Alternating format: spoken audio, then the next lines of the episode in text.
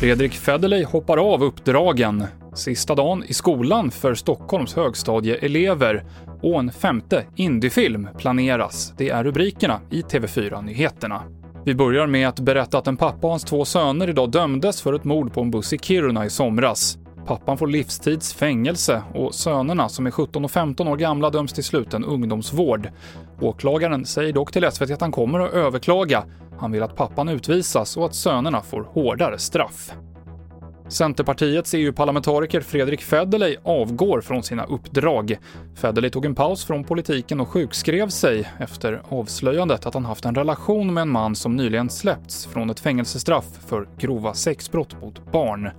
Och beskedet idag att han nu lämnar politiken är väntat, säger vår politiska kommentator Ulf Kristoffersson. Frågan var bara egentligen när det skulle komma för att eh, hans situation hade blivit eh, ohållbar.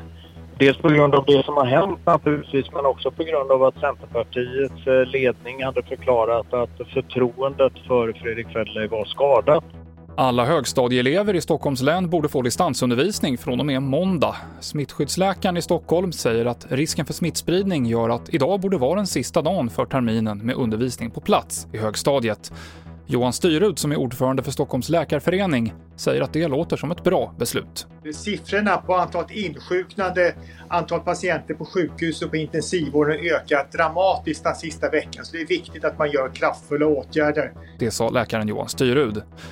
Det har varit skidskyttesprint idag för både herrar och damer. Sebastian Samuelsson blev bästa svensk med en femteplats. Och vi avslutar med att berätta att Harrison Ford ska damma av Fedora-hatten en sista gång, för Disney säger att det ska spelas in en femte Indiana Jones-film.